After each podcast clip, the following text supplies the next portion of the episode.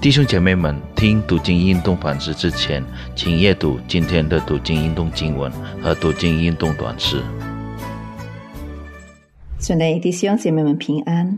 还没开始思想主的话语之前，我先请弟兄姐妹们听一首诗歌《荣耀归神》。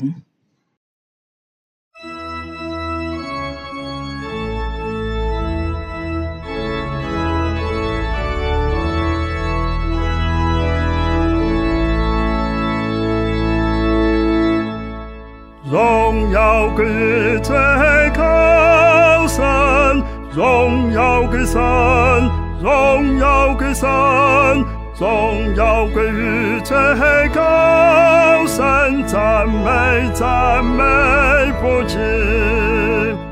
赞美赞神慈爱最深，赞美赞神恩济万人，赞美赞神神的天庭，赞美神父神子神灵，荣耀归于最高神，荣耀归于最高神。荣耀，荣耀，荣耀，荣耀，荣耀归于最高神。荣耀，荣耀，荣耀，荣耀，荣耀归于最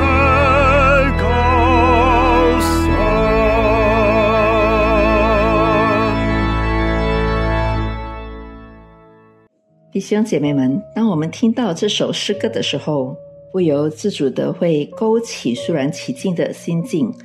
我们仿佛进入到一个又庄严又尊荣的情景里。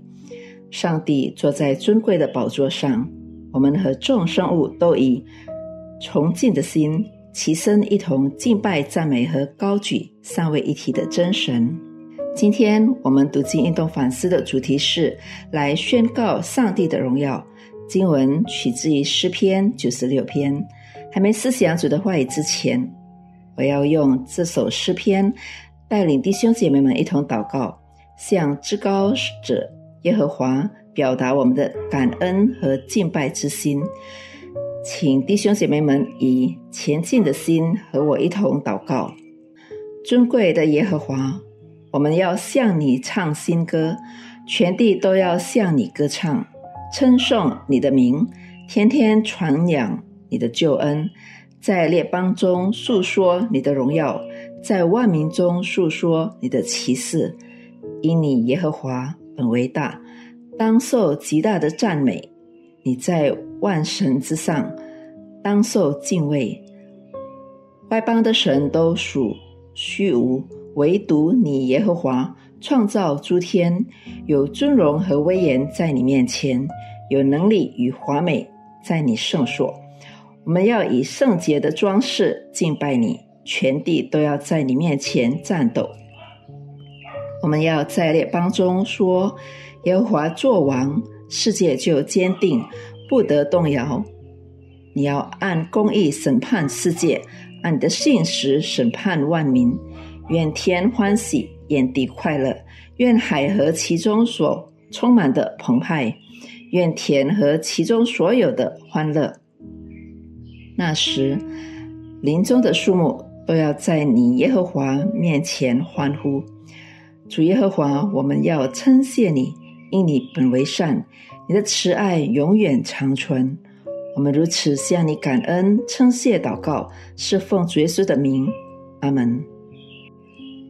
从历代之上十六章二十五节开始，我们可以看到，当大卫将耶和华的月桂从俄别以东的家抬进耶路撒冷时，大卫和以色列众民都以欢喜快乐的心迎接月桂。我刚才说的祷告词，就是当时以色列民所唱出的赞美诗。我们在一开头听到的诗歌和这首诗篇九十六篇的赞美诗。都是作者与诗人在邀请上帝的子民和地上万民，甚至一切受造物，向耶和华歌唱赞美。这并不是无意义的邀请，而是意味着只有耶和华才配得颂赞的。耶和华在万神之上，他是诸天的创造者，一切尊贵、威严、荣耀和能力都属耶和华。他所创造的万物万民，都应当以屈服和尊崇的心来回应。从历代之上十六章那里，我们可以看到大卫和众以色列民以感恩、喜乐的心，用各种乐器。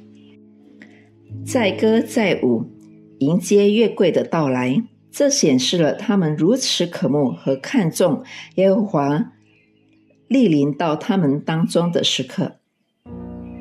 主内弟兄姐妹们，当你我有机会来敬拜上帝时，我们会用什么样的心态来朝见他？我们是否有如大卫和以色列民那样，存着一颗渴慕和期盼上帝临格的心呢？在平日生活中，若我们有机会接见某个重要人物，比如首相、总统、国王，或者说在你职场上最高领导人，相信你在还没接见他们之前，一定会做充分的准备。不论那是外表的打扮，或者你的谈吐言行，都尽可能保持严谨恭敬的态度。主耶和华，他是万王之王，万主之主，他比一切受造物来的更加伟大、更尊贵。当你我们来朝见他时，我们做了什么样的准备？我们可以在外表上穿的整洁，打扮的端正，但是上帝所看重的并不是外在的装饰，上帝看的是我们最深沉的心。我们是否带着一颗？爱慕主的心，敬畏和尊主伟大的心来朝见他，把崇拜中每个环节都视为重要的一环。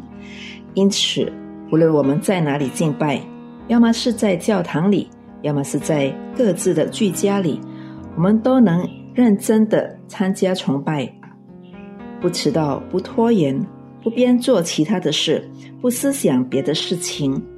但能完全投入专注，享受和珍惜与上帝相会的时刻，预备好心领受上帝的话。当然了，上帝要我们不是只有在敬拜中荣耀他而已，上帝更要我们在每日生活中过着荣耀上帝的生活。荣耀上帝的生活并不只是说说罢了，但是。我们有办法把它展现在我们的实际生活中，好让别人可以知道何为基督的跟随者。成为了多年的信徒，听了和读了多年的真理，神的儿女们应该已经知道了什么是上帝所喜悦的事，什么是上帝所厌恶的事。但是，为什么有的人却行不出上帝看为正、看为义的事呢？保罗在罗马书七章十八节下半节说：“立志为善由得我，只是行出来的由不得我。”一个人虽然信了基督，但是内心还有很多的恶念，还有很多不符合上帝真理的观念需要被处理，需要被调整。一个人若还把个人利益看得比上帝更重要，那就很难做到或不情愿做到所谓荣耀上帝的生活。弟兄姐妹们，我们每个人都务必要谨慎。上帝要每个成为神儿女的人，在做任何事，不论那是公事或私事，甚至是我们侍奉的时候，都要以一个前提为主，一切都是为主而做。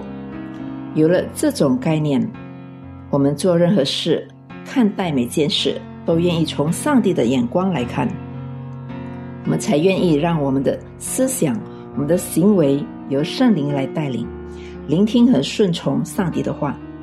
神的儿女有了如此的心态，才会避开一切不符合上帝喜悦的事，才能做到所谓的荣耀上帝的生活。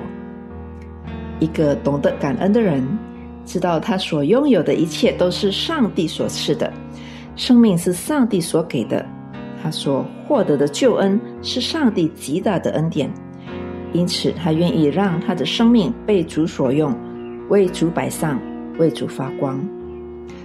主内弟兄姐妹们，我们来反思：我们是否已经是上帝所喜悦的儿女？我们的敬拜生活、日常生活，是否已经使上帝的名得荣耀呢？我们来祷告。我们在天上的父神，感谢你的话语，今天提醒了我们，在我们的日常生活中，在我们的敬拜生活中，我们要学习以上帝居首位。我们的思想，我们所做的任何决定、采取的行动，都愿意以上帝的眼光为主。祈求圣灵在我们心里动工，当我们走偏的路，心思偏离了你，求圣灵提醒我们，让我们觉悟。自罪、悔改、归正，归回上帝要我们走的路。我们愿意行出上帝看为正、看为义的事，好让我们的生命能成为见证，荣神一人。我们如此祷告，是奉主耶稣的名求，阿门。